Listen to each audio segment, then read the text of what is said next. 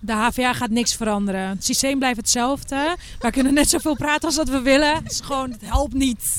Nou heren, die kun je in je zak steken. Wat uh, zeg je tegen iemand die zo weinig vertrouwen heeft in de medezeggenschap? Nou, ik weet niet of het een... Was het een docent of een student? Zeg ik niet. Nou, dat maakt ook niet uit. Maar zou het een student zijn, dan, dan hadden we die nu gemaild met, uh, uh, met voornaam en dan student.hva.nl.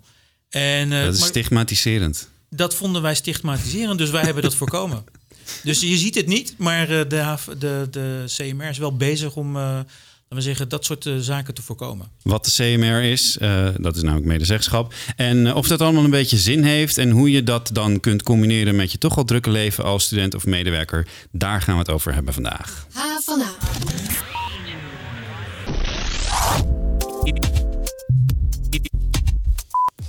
Ja, fijn dat je luistert naar onze podcast. We praten door over wat er deze week allemaal gebeurde op, de, uh, op en rond de Hogeschool van Amsterdam.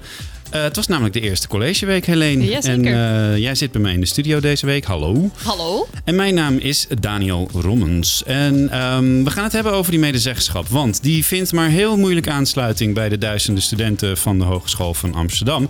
En dat zijn studenten die zij moeten vertegenwoordigen. En dat levert nog wel een ja, wat uh, problematische situatie op. Want hoe kun je nou mensen vertegenwoordigen als ze helemaal geen interesse of zelfs geen weet hebben van wat je doet? Die uh, centrale medezeggenschapsraad, waarvan hier twee heren aan tafel zitten, die probeert studenten actiever te betrekken bij het werk dat zij doen, maar dat lijkt niet heel goed te lukken. Um, in onze studio zit oud-voorzitter van de CMR, Mark van der Horst, en een nieuwe voorzitter van de raad, Paul Disco. Welkom beiden. Dankjewel. Paul, allereerst gefeliciteerd met je voorzitterschap.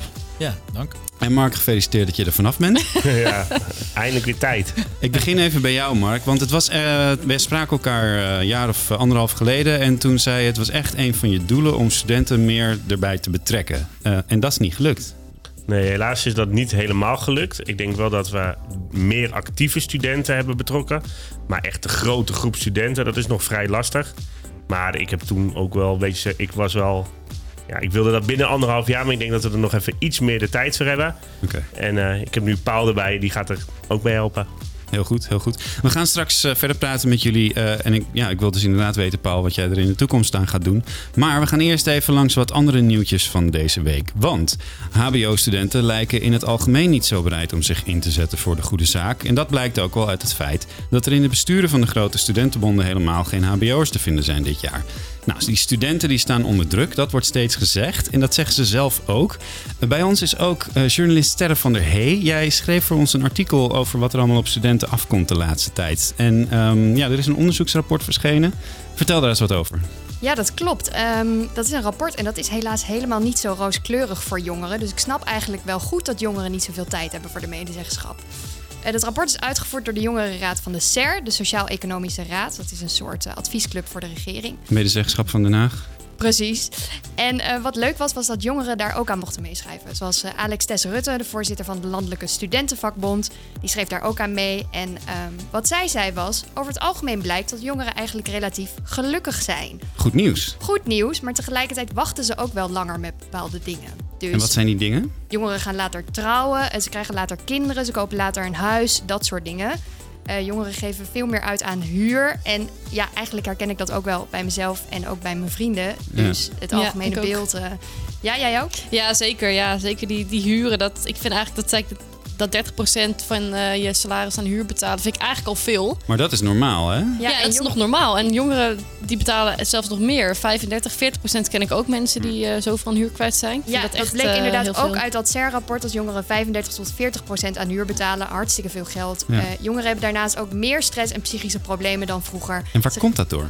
Ja, er zijn eigenlijk een aantal dingen, zegt Alex Des Rutte.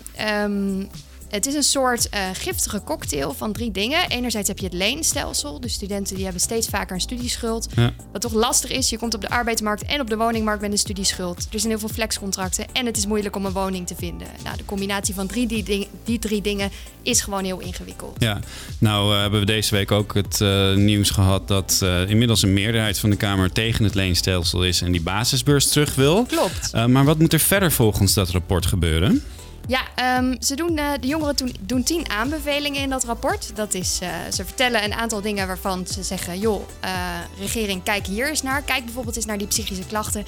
Maar kijk ook ernaar om iets te doen met ondernemerschap onder jongeren bijvoorbeeld. Het allerbelangrijkste, zeggen ze, is maak een generatietoets. Dus onderzoek ehm, hoe die generatie in elkaar zit. En onderzoek hoe de beleidsplannen van de regering... ook hoe die, die generatie beïnvloeden. Eh, positief of wel negatief. En volgens Alex S. Rutte is dat op dit moment natuurlijk negatief. Ja, dat horen we veel van studenten. Ja, Sterre, dankjewel voor je toelichting. graag gedaan. Wat vinden jullie hiervan als je dit hoort?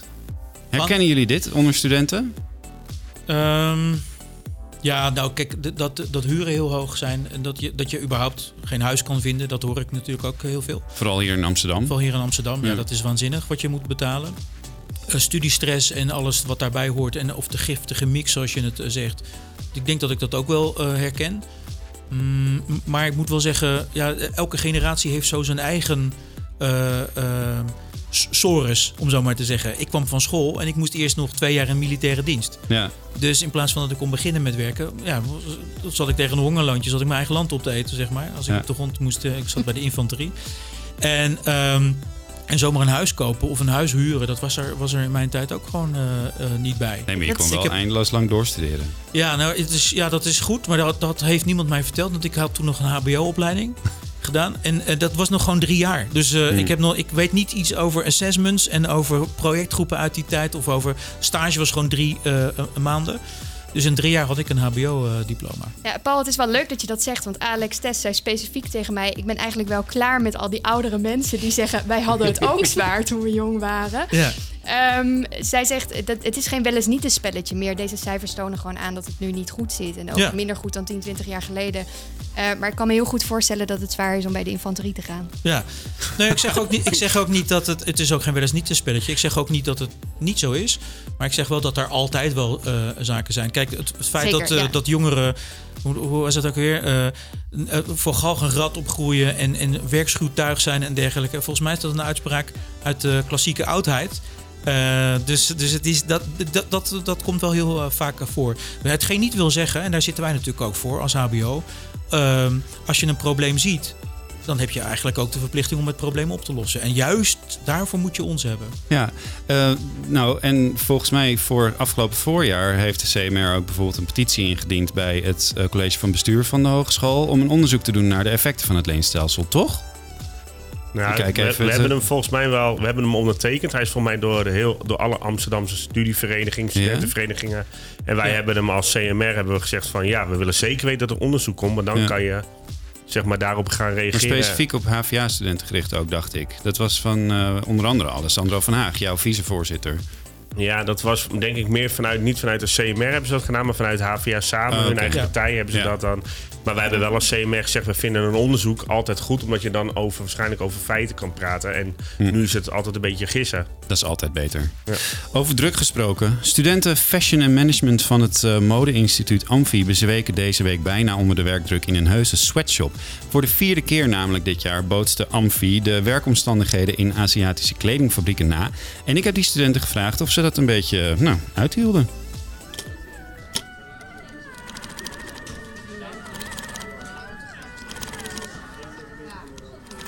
Het is eh, vroeg in de ochtend. Ik sta hier boven in het eh Amfi-gebouw en eh, naast mij staat Vera Lin. Vera, wat zijn jullie aan het doen hier? Uh, wij zijn bezig met een sweatshop. We zijn een sweatshop aan het nabootsen zoals we die kennen in ehm, ja, Azië. En we zijn allemaal heel druk bezig. We mogen niet op onze telefoon. We mogen niet eten. We mogen niet drinken. We hebben geen pauzes en eh, hebben shifts van vijf uur lang. Uh, what's your name? Tanya. You're one of the managers.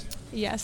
You must be a very tough boss. Uh, not really. I'm. Yeah, but I'm trying to be a tough one. Ja, we willen gewoon het besef creëren hoe slecht het is en wat we daar met z'n allen aan kunnen doen. Dat de studenten gewoon weten wat er allemaal aan de hand is in de echte fabrieken. In die fabrieken, eh, daar werken dan heel erg veel mensen tegelijk aan allemaal dezelfde producten. Eh, jullie doen dat nu ook hier. Wat zijn jullie aan het maken vandaag? Wij zijn een grote tas aan het maken die ook eh, draagbaar is als rugzak. Ehm, de tassen gaan dus naar het goede doel. Because We Carry, ehm, dat is een doel dat vluchtelingen opvangt in Griekenland. Ehm, de helft van de tassen zal daar naartoe gaan om de vluchtelingen te helpen. En de andere helft zal worden verkocht en die opbrengst gaat naar de Amazone en naar Shelter Suits.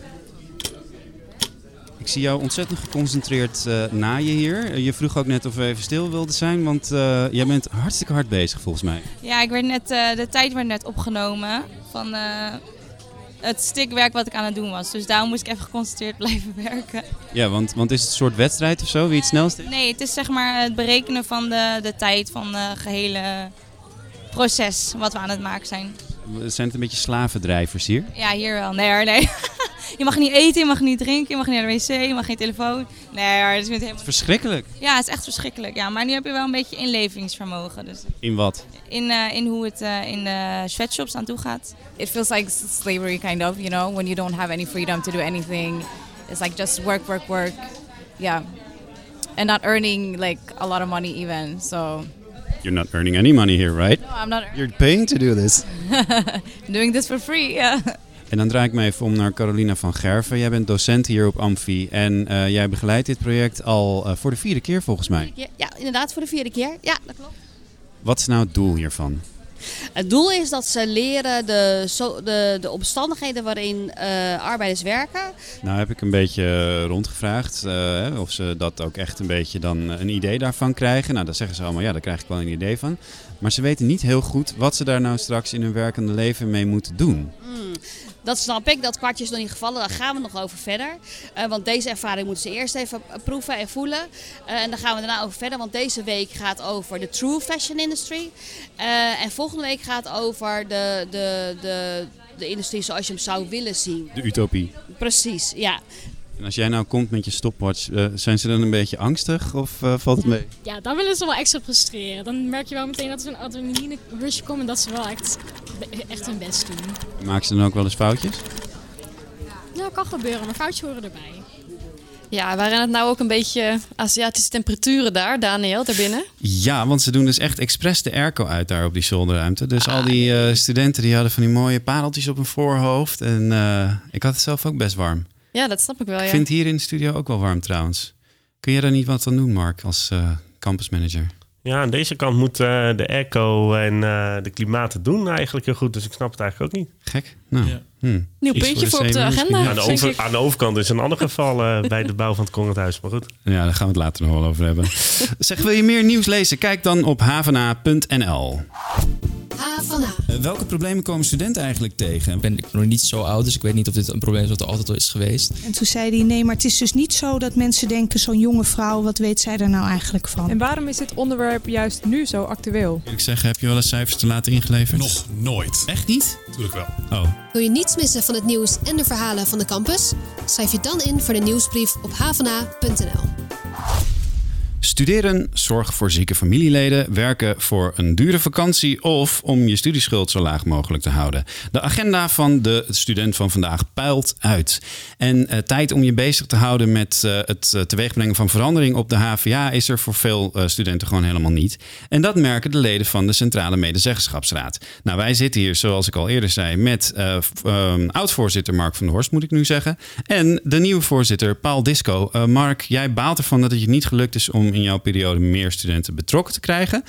Ja, wat is dat dan met die HBO-student? Waarom voelen ze zich zo niet betrokken bij de HVA volgens jou? Ja, er zijn wel betrokken studenten ook. Alleen ik denk dat gewoon de grootste deel, wat die gewoon binnenkomt, die denkt gewoon echt: ik wil eigenlijk zo snel mogelijk mijn papiertje. Ik wil zo snel mogelijk veel geld verdienen. Ik wil om mijn stage laten zien wie ik ben. En misschien wil ik daar nog wel eventjes blijven werken. Dat vindt volgens mij de student op dit moment gewoon. Het, de algemene student vindt het gewoon belangrijk. Ik denk dat echt 80% gewoon zo denkt. Ja.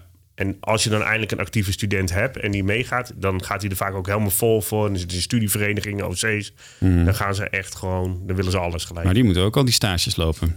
Ja, maar dan is het echt een keuze. En dan ziet ook wel bij ons uh, in de raad, dan zie je al gauw dat ze een half jaar, een jaar vertraging hebben. Uh, of eindigen met een burn-out. Of ja. je, je ziet het wel. Ja. En Mark, je hebt ook uh, in jouw periode als uh, voorzitter ook geprobeerd echt om die niet-actieve studenten op te zoeken, om ze te bereiken. Hoe, hoe heb je dat aangepakt toen? Nou, eigenlijk heb ik gewoon eerst met onze actieve studenten gepraat van hoe praten jullie met die studenten. En eigenlijk kom je dan heel snel op gewoon in de hallen aanspreken. Gewoon een heel klein polletje doen op een Instagram. Of gewoon echt hele simpele dingen. Dat het niet veel tijd is. Dat je eigenlijk binnen een minuut, eigenlijk maar een minuut pakt van die agenda van die student.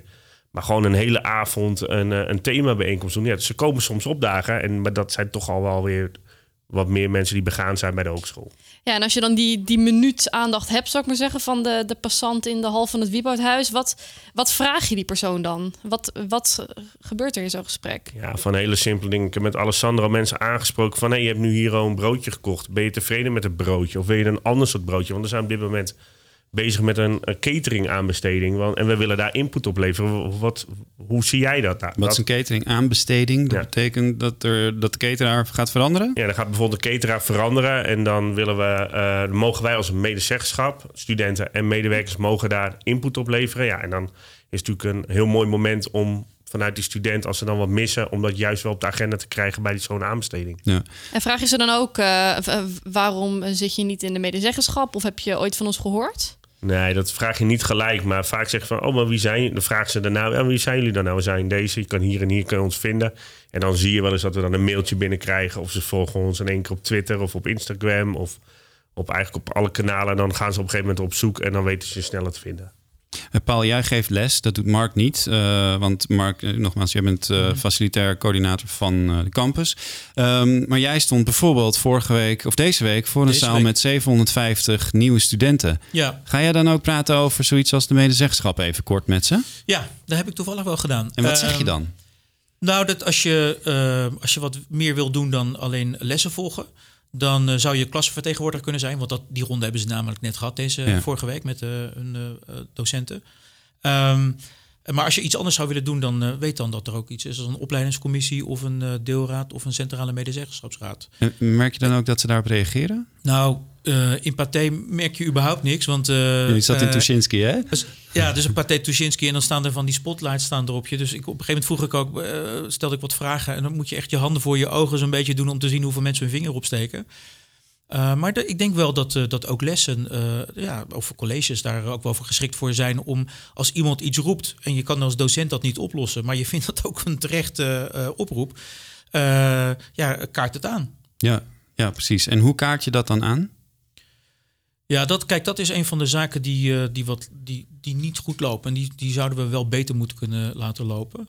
Eh, vaak is het de dingen die wij aankaarten. Nou, neem even weet je, de airco. We hebben het net over de airco. Of we hebben het over de wifi die het niet doet. Dat zijn, ja, ik ben dan zelf marketeer en dan, dat komt uit de psychologie en de sociologie. Dat zijn dissatisfiers. Dus die, die dingen moet je sowieso gefixt hebben. En als je die goed hebt gefixt, dan denkt iedereen, ja, nu staan we op nul. Je, dus die, is- dat, die kan je alleen maar fout doen. En ehm, Dat is ook waar het meest over gezeerd, gezeurd wordt op Ja, de ja. hogeschool. Ja, hè, door de, studenten de, stekker, de En stopcontacten. stopcontacten Ja, en dergelijke. precies, ja. Kijk, als we de fixen, als wij, als wij, nou ja, neem even, we hebben iets gefixt weer met de wifi of met de, met de, met de ICT, dat, Ja. er, dat er elke keer eruit klapt. Ja. Dat ziet niemand, want hij doet het. Ja. Dus ja, dat is, dat is, dat, en daar gaat heel veel van onze tijd en aandacht eh, naartoe. Ja. Eh, en, en een van de dingen waar je op kan onderscheiden is aan mensen vragen: Goh, maar wat vind je nou echt van een onderwerp? Nou, vorig jaar kwam er van uit kwam er een brief van eh, hoezo, hoezo hebben wij nou weer vrij met, eh, met Pasen en met Pinksteren en maar hoezo niet bij een, een andere feestdag? FO is faculteit onderwijs opvoeding, zeg ja, sorry, bij. ik ben, oh, ik ga beginnen ook al zo met FO en uh, faculteit aan de overkant onderwijs en opvoeding. En die zeiden, nou, hoe, hoe zit dat? Daar hebben wij een sessie georganiseerd en daar kwamen allemaal docenten op af, studenten kwamen erop af, ook het college van bestuur zat erin. En eh, daar hebben we serieus gesproken over hoe we dat gaan aanpakken. Nou ja, realiseert iedereen zich ook dat je dat niet zomaar van de ene op de andere dag ge- gefixt hebt. Maar toen kwam, eh, laten we zeggen, twee maanden daarna of anderhalve maand daarna kwam het eh, verzoek van het CVB om de feestdagenkalender goed te keuren. Nou, schets onze verbazing, niks veranderd. Ja. Dus, eh, dat, maar ja, moet het toch door. Dus we hebben het goedgekeurd voor de komende twee jaar. Dus nu nog In maar één plaats jaar. van vier jaar, hè? Ja, precies. Dus, eh, sorry, in plaats van vier jaar. En eh, we houden het op de agenda tot het gefixt is. Dat geldt ook met de inschrijven van de minoren. Hebben ook dat ging niet goed. Dus we hebben dat nu, bij wijze van spreken, op het nulniveau gekregen. En we hebben nu een ongevraagd advies geschreven. eh, hoe, hoe wij dat zien met die minoren. Ja, want, daar ging van ja, alles mis, hè? Inderdaad, daar ging van alles mis. Ik heb eh, daarover gesproken ook met Alessandro van Precies. Haag, de oud-vicevoorzitter. En die zei ook van ja, mensen die moesten in een, eh, eh, of ja, die, die logden in, die werden eruit gegooid, server overbelast, minoren vol. Nou, dat, dat klonk als een eh, vrij dramatische manier van inschrijven. Ehm, en het, het bestuur die deed daar een beetje, nou, niet, of die, die deed het af als een incident, vertelde hij. En zij- hij kwam er daarna achter dat op Twitter daar al zeven jaar lang een soort van hetzelfde probleem is. Ja, wat hebben jullie gedaan dan toen? Dat was een reeks incidenten, dan noemen we het een trend. Eh, maar ja, toen hebben we dus, nou, we hebben gezegd, oké, laten we dat dan één keer voor één keer fixen, zo op de oude manier, zoals we dat, eh, dat, dat is uit die wachtrij uitgekomen. Ja. En Ja. er was dit jaar ook geen enkele klacht. Ik heb helemaal niks gehoord, niks gezien. Eh, maar ook intern was iedereen goed op de hoogte. Dat is ook wel eens anders geweest. Dus mensen bij studie, hoe heet dat, bij eh, ehm, Studentzaken? studentzaken en dergelijke. Ehm, maar wat we hebben gezegd, ja, maar we gaan we nog even verder. Want hoe, hoe willen we überhaupt dat mensen, weten mensen wel welke minoren er zijn en hoe vol ze zijn en hoe, hoe eh, zorgen we dat die verwachting die mensen hebben, die studenten hebben, dat dat in balans is met wat wij kunnen bieden als HVA. Ja. En daar hebben we een aantal voorstellen voor gedaan en die, eh, nou, die worden nu besproken. En dat, daar zitten wel, eh, wel, laten we maar zeggen, grote veranderingen in die Ja. ten voordele zijn van eh, Dus het studenten. eventjes eh, eh, heel kort algemeen samenvattend. Het bestuur stuurt allemaal besluiten op jullie af die jullie moeten goedkeuren of niet. Ja. Maar jullie brengen ook zelf onderwerpen aan bij het bestuur waar zij eigenlijk misschien niet zo goed op hebben gelet. Ja. Ja, Ja. dat is de, bijvoorbeeld de, de Wieboudstraat eh, is onveilig. Dat hadden we al gezien. Bij het college neergelegd. Of bij, in ieder geval bij het eh, college van bestuur. Ja, en dat is op een gegeven moment wel serieus genomen. En er wordt nu met de wethouder, met eh, diverse partijen ook in Amsterdam gepraat. En we zien ook wel dat dat, dat gaat heel stroperig en heel Ja. langzaam. Maar eh, het ligt daar wel op tafel. En Ja. dat, is, dat, dat bereiken we dan weer wel. Zo, dit klinkt allemaal hartstikke goed. En eh, ik denk dat als je het een student goed uitlegt, dat hij er ook misschien wel even enthousiast van wordt. Nou, we hebben er wat spectaculaire dingen in het eh, vat zitten hoor. Oh, oh, oh. Oh. Ja. Heb je En waarom, ja, maar dat, dat vraag ik wel af. Dat als ik nu, wij hebben ook wel eens hier eh, video's gedraaid over de medezeggenschap. En zodra ik het woord uitspreek, nou valt iemand bijna in slaap, zou ik maar zeggen. Ja. Hoe, eh, hoe kun je dat nou toch wat spannender maken? Nou, kijk, wat, wij, wij hebben erover gesproken als eh, eh, CMR. Want wij zagen dat die, die, die, die themabijeenkomsten die we organiseerden, dat, dit, nou, daar, daar, kwam, daar kwam van alles uit. Ook weer nieuw- nieuwe onderwerpen. Ja. En bijvoorbeeld is er uitgekomen dat er was een, een, een- student die had ge- stage gelopen in Finland. En die vertelde zo. En ik vroeg, maar, maar hebben we daar dan geen st- studiestress? Ja, nee, zegt ze. We hebben gewoon veel meer kansen dan twee. Dus wij keken elkaar aan, Alessandro en ik. Ja, maar hoezo hebben wij dan maar twee kansen? Weet je, waar, waar staat dat? Wie heeft dat opgeschreven? Wie heeft dat bedacht? Twee kansen voor een tentamen. Twee kansen voor een tentamen. Dus daar is het gewoon. Je hebt je vier of vijf kansen voor Mhm. een eh, tentamen per jaar. En als je even doordenkt, denk je, ja, Huip wil graag het college van bestuur en iedereen wil dat graag, dat er zo min mogelijk uitval is en dat mensen hun studie kunnen doen. En, maar en waarom hebben wij dan bedacht dat een herkansing altijd ehm, eh, nou ja, na tien weken is en dan moet je weer even door het hoepeltje springen en, en, dan, en dan moet je weer een jaar wachten. Ja. En, en, en dan doen we het ook nog zo dat als je iets niet snapt. Dus het zijn al niet de mensen die het best hebben gestudeerd. Want anders had je er voldoende had ge- gehaald in de eerste keer. Die laten we aan hun lot over. Hoezo vragen wij niet van heb jij niet. We hebben allemaal studievoorschotmiddelen, komen miljoenen deze kant op. Hoezo organiseren wij niet eh, tentamentrainingen? Ja, en soms is een student ook gewoon nog niet klaar om een tentamen te doen. Dan is er wat gebeurd in de familie. Er is, er is gewoon, het, het lukt even niet. En dan weer een jaar wachten. Ja, en dan, ja. Ja, nou, en er, er zijn dus denk ik heel veel studenten die eh, nou wel rondlopen met zo'n soort van frustratie. Ja.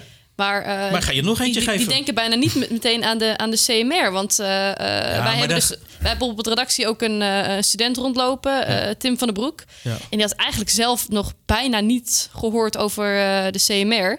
Eh, dus wij... Die, die gaan we even apart nemen dan. ja, dat zou ik zeker doen. Nou, wie hij apart heeft genomen, dat is eh, eh, een van de raadsleden. Dat is eh, Jari Kuipers over de CMR. Ehm, ik zit nu eh, ruim een jaar in de medezeggenschap. Eh, ik heb ook het vicevoorzitterschap achter de rug in de medezeggenschap. Dat is het bestuur. Maar als ik denk aan de medezeggenschapsraad, dan ja, we hebben daar eigenlijk nog nooit iets over te, eh, te horen gekregen tijdens de colleges. Hoe kan dat nou? Ja, Tim, dat is een hele goede vraag. Eentje die ook heel herkenbaar is.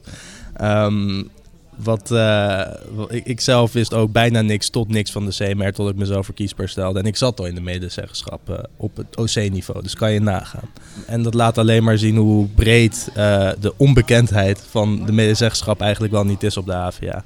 En er wordt aan gewerkt en dit jaar hebben we ook echt al stappen gezet, vooral qua zichtbaarheid op, onze, op de HVA-website. Ja, wat heb je dan vooral gedaan dan daarmee? Veel meer verslagen en artikelen uitgebracht van beslissingen die we hebben gemaakt, tegengeluiden die we hebben laten horen bij het CVB. En, we hebben ook onze hoofdpunten geprobeerd heel erg duidelijk te maken. In ieder geval op de site en ook daarbuiten op de digitale schermen en dergelijke. En eh, kan je mij vertellen, hoe makkelijk is het eigenlijk om eh, HBO-studenten te vinden die inderdaad eh, mee willen doen? Is dat, is dat een makkie? het is echt heel moeilijk om eh, studenten te vinden die daar echt heel erg gedreven voor zijn. Het zijn meestal eh, de types die al heel erg gefocust zijn op verandering eh teweeg brengen. Eh, en dan moet het ook nog eens degene zijn die er oké mee zijn om in een vrij langzaam ontwikkelend orgaan zoals de HVA. Want het is gewoon gigantisch en daardoor gaat altijd alles veel langzamer. Ja, nou ja, Jari, tijdens dat jij eh, lid, onderdeel was eh, van de medezeggenschapsraad, eh, was je natuurlijk ook gewoon student. Hoe heb jij geprobeerd dat met elkaar te combineren? Eh, ja, niet eigenlijk. Ehm, ik heb het geprobeerd. Eh, natuurlijk als vicevoorzitter in het bestuur van de CMR heb je nog bijna dubbel zoveel uren die je eraan kwijt bent. Dus dat was sowieso aan het taaien. Ik was ook bestuurslid bij HVA Samen. Dus bovenop mijn studie was ik al heel veel aan het jong leren, zo gezegd. Ehm, en dat is ook fout gegaan. Ehm, ik heb eigenlijk me niet meer goed kunnen inlezen op een gegeven moment in documenten. Er zijn wat dingen geweest in mijn privéleven waardoor ik eh, even wat energie kwijt was. En eh, ik ben er ook even kort aan ten onder gegaan. Ja, dat was een bijdrage van onze verslaggever, stagiair Tim van den Broek. Eh, ja, Paul, ehm, jij bent de nieuwe voorzitter. Hoe ga jij ervoor zorgen, of kun je er wel voor zorgen, dat nieuwe raadsleden straks niet zo overwerkt raken als, eh, als bij Jari het geval was? Ehm, nou ja en nee, denk ik. Want je, ja, ik kan niet helemaal in iemand zijn hoofd kijken. Eh, maar wat wij proberen te doen is. ehm, wij krijgen nogal veel documenten, laat ik het maar zo zeggen, die, die heel ingewikkeld zijn. Je moet voor de grap eens kijken naar een eenvoudige vacaturetekst. Je kunt gewoon nu online kijken op vacaturetekst. Ik heb gewoon, ik heb een master nog gedaan. Ik kan, ik weet, ik kan wel iets lezen, maar de meeste dingen snap ik gewoon ook helemaal niet. En laat staan die rapporten waar je, als je daar doorheen moet. eh, Nou, ik had, zei net ongeluk FO, weet je wel, dus eh, de Ja. faculteit onderwijs en opvoeding. Maar daar staan die rapporten vol mee. Ja. Dus wat wij- Afkortingen. Wij, gaan, een- wij gaan een Jippie Janneke slag maken. Wij willen gewoon begrijpen, waar hebben we het nou eigenlijk over? Dus een ingewikkeld rapport maken wij voor onszelf behapbaar. Eh, en dan hebben we natuurlijk voordeel dat voorheen konden dan twee of drie mensen over dat ingewikkelde rapport iets roepen. Van ja, pagina 15 staat iets en dat, ja, dat klopt niet helemaal. Maar dat, daar, zo'n discussie moeten we helemaal niet voeren. We moeten het over het eenvoudige probleem hebben, wat, hè, zo, zo samengebouwd. Zodat we met z'n 24 erover na kunnen denken. Ja. En dan voel jij natuurlijk als eh, student die net binnenkomt, dan voel je je natuurlijk niet heel, heel erg dom als je, eh, ja, eh, voorheen kreeg je, je had er, ik had zelfs ik als, eh, eh, eh, eh, hoe heet dat? Nou ja, laten we zeggen, iemand die wat langer meedraait, had gewoon problemen om te snappen, wat is Ja. nou de essentie van wat hier gevraagd wordt? Ja. Nou, Ja. Het is als je net aan tafel veel zit. jargon. En dat kost dan ook dus, neem ik aan voor de CMR-leden, ook gewoon eigenlijk veel tijd om, eh, als je een beetje beslagen ten ijs naar die vergadering wil Ja. komen, dan wil je natuurlijk gewoon de rapporten wel stappen. Ik sprak namelijk ook met, eh, dat zei ik net al even, met Alessandro van Haag dus, ehm, die ook in de CMR heeft gezeten, vicevoorzitter was. En hij zei ook op sommige momenten dat hij eigenlijk even een stap terug heeft moeten doen. Eh, omdat het hem gewoon te veel werd. Eh, hij moest te veel ballen hoog houden, studeren, minor doen, stage doen. In de CMR, waar hij eigenlijk meer tijd aan kwijt was dan waar hij voor betaald krijgt. Mark, ik kijk even naar jou, want jij loopt ook al een tijdje rond in die CMR. Eh, die uitval of die periodes dat mensen toch even een stapje terug moeten doen, is dat iets van de laatste jaren of recenter? Is dat. eh, Ja, je zag gewoon echt zes jaar terug gingen gewoon studenten dachten gewoon, ik doe even een jaar niet studeren. Ik ga bam, ga vol voor een bestuursjaar. Tegenwoordig willen ze hun stage daarna doen. Ze willen bij hun voetbalclub. Ze willen veel meer doen. Dan is dat. Ik, ik heb afgelopen twee, drie jaar eh, heb ik wel echt meegemaakt en heel veel gesprekken ook met studenten gevoerd. Waar, hoe kan ik je helpen? Welke tools heb je nodig? Eh, kom bij me als er wat is. Moet ik je koppelen aan iemand anders? Ik zie echt wel een, een stijgende lijn erin. En uh, Alessandro heeft dat ook uitgelegd van ja, eh, ik wil heel veel, maar ik kan het eigenlijk niet. Nee, en dat eh, dan zou misschien een oplossing zijn eh, waar hij voor pleit. Hij vindt namelijk wel heel belangrijk dat studenten eh, de tijd krijgen om kennis te maken met eh, nou, op bestuurlijk niveau meepraten, dat misschien de HVA kon zorgen dat er wat meer tijd zou zijn in een rooster of in, een, eh, ja, in het curriculum, zou ik maar zeggen.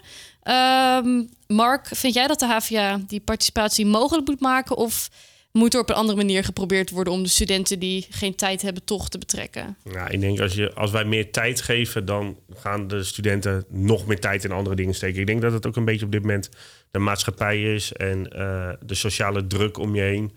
Eh, je ziet het als Alessandro, neem even Alessandro als voorbeeld, zit in de CMR, doet HVA samen, doet een stage en wil gewoon nog meer. Ja, dan kan we hem als HVA nog meer tijd geven, Mhm. maar ja, het blijft altijd 100% vol ervoor gaan. Ik denk ook gewoon, dat, dat- we hebben het over druk hè, op studenten, maar ik denk ook gewoon dat er een hele hoop mensen zijn die het niet zo interesseert. Ik bedoel, er zijn 46.000 studenten op de HVA.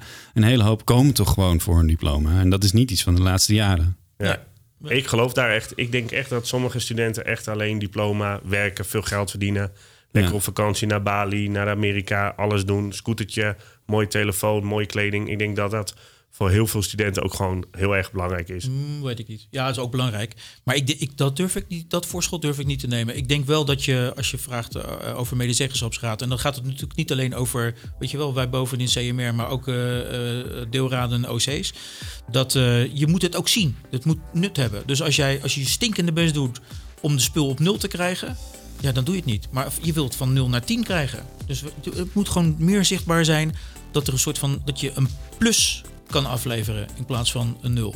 Maar je, ik, zie, ik vind wel, als je ook bij sommige actieve studenten ziet die echt er vol voor gegaan zijn, die bereiken ook echt wat. Ja, zeker. Neem maar Kaline, die Ja. is op een gegeven moment wel voorzitter van de LSVB geworden. Ik bedoel, dan komen ze Carlien van. Breugel hebben we Ja. het over. Ja. Ja. Ik eh, vul de achternaam wel aan, Ja, jongens. Ja, nee, Hey, we gaan afsluiten. Ehm, ik wil nog één ding van jullie weten. Is het nou spannend om in de CMR te zitten of niet? Nee, is niet spannend. Oké, dankjewel. Dank voor jullie komst naar de studio. En Sterre, die al weggelopen is, wilde ik ook bedanken, maar dat is te laat. Eh, Wij zijn er volgende week weer met een podcast. En die vind je tegenwoordig ook op Spotify. Zoek dan gewoon even naar H van A. En dat spel je H-V-A-N-A. En als je dan zo'n gele profielfoto met een grote witte H ziet, dan eh, heb je ons te pakken. En verder zijn we natuurlijk ook de hele week actief op de website en op Twitter, Facebook en op Instagram.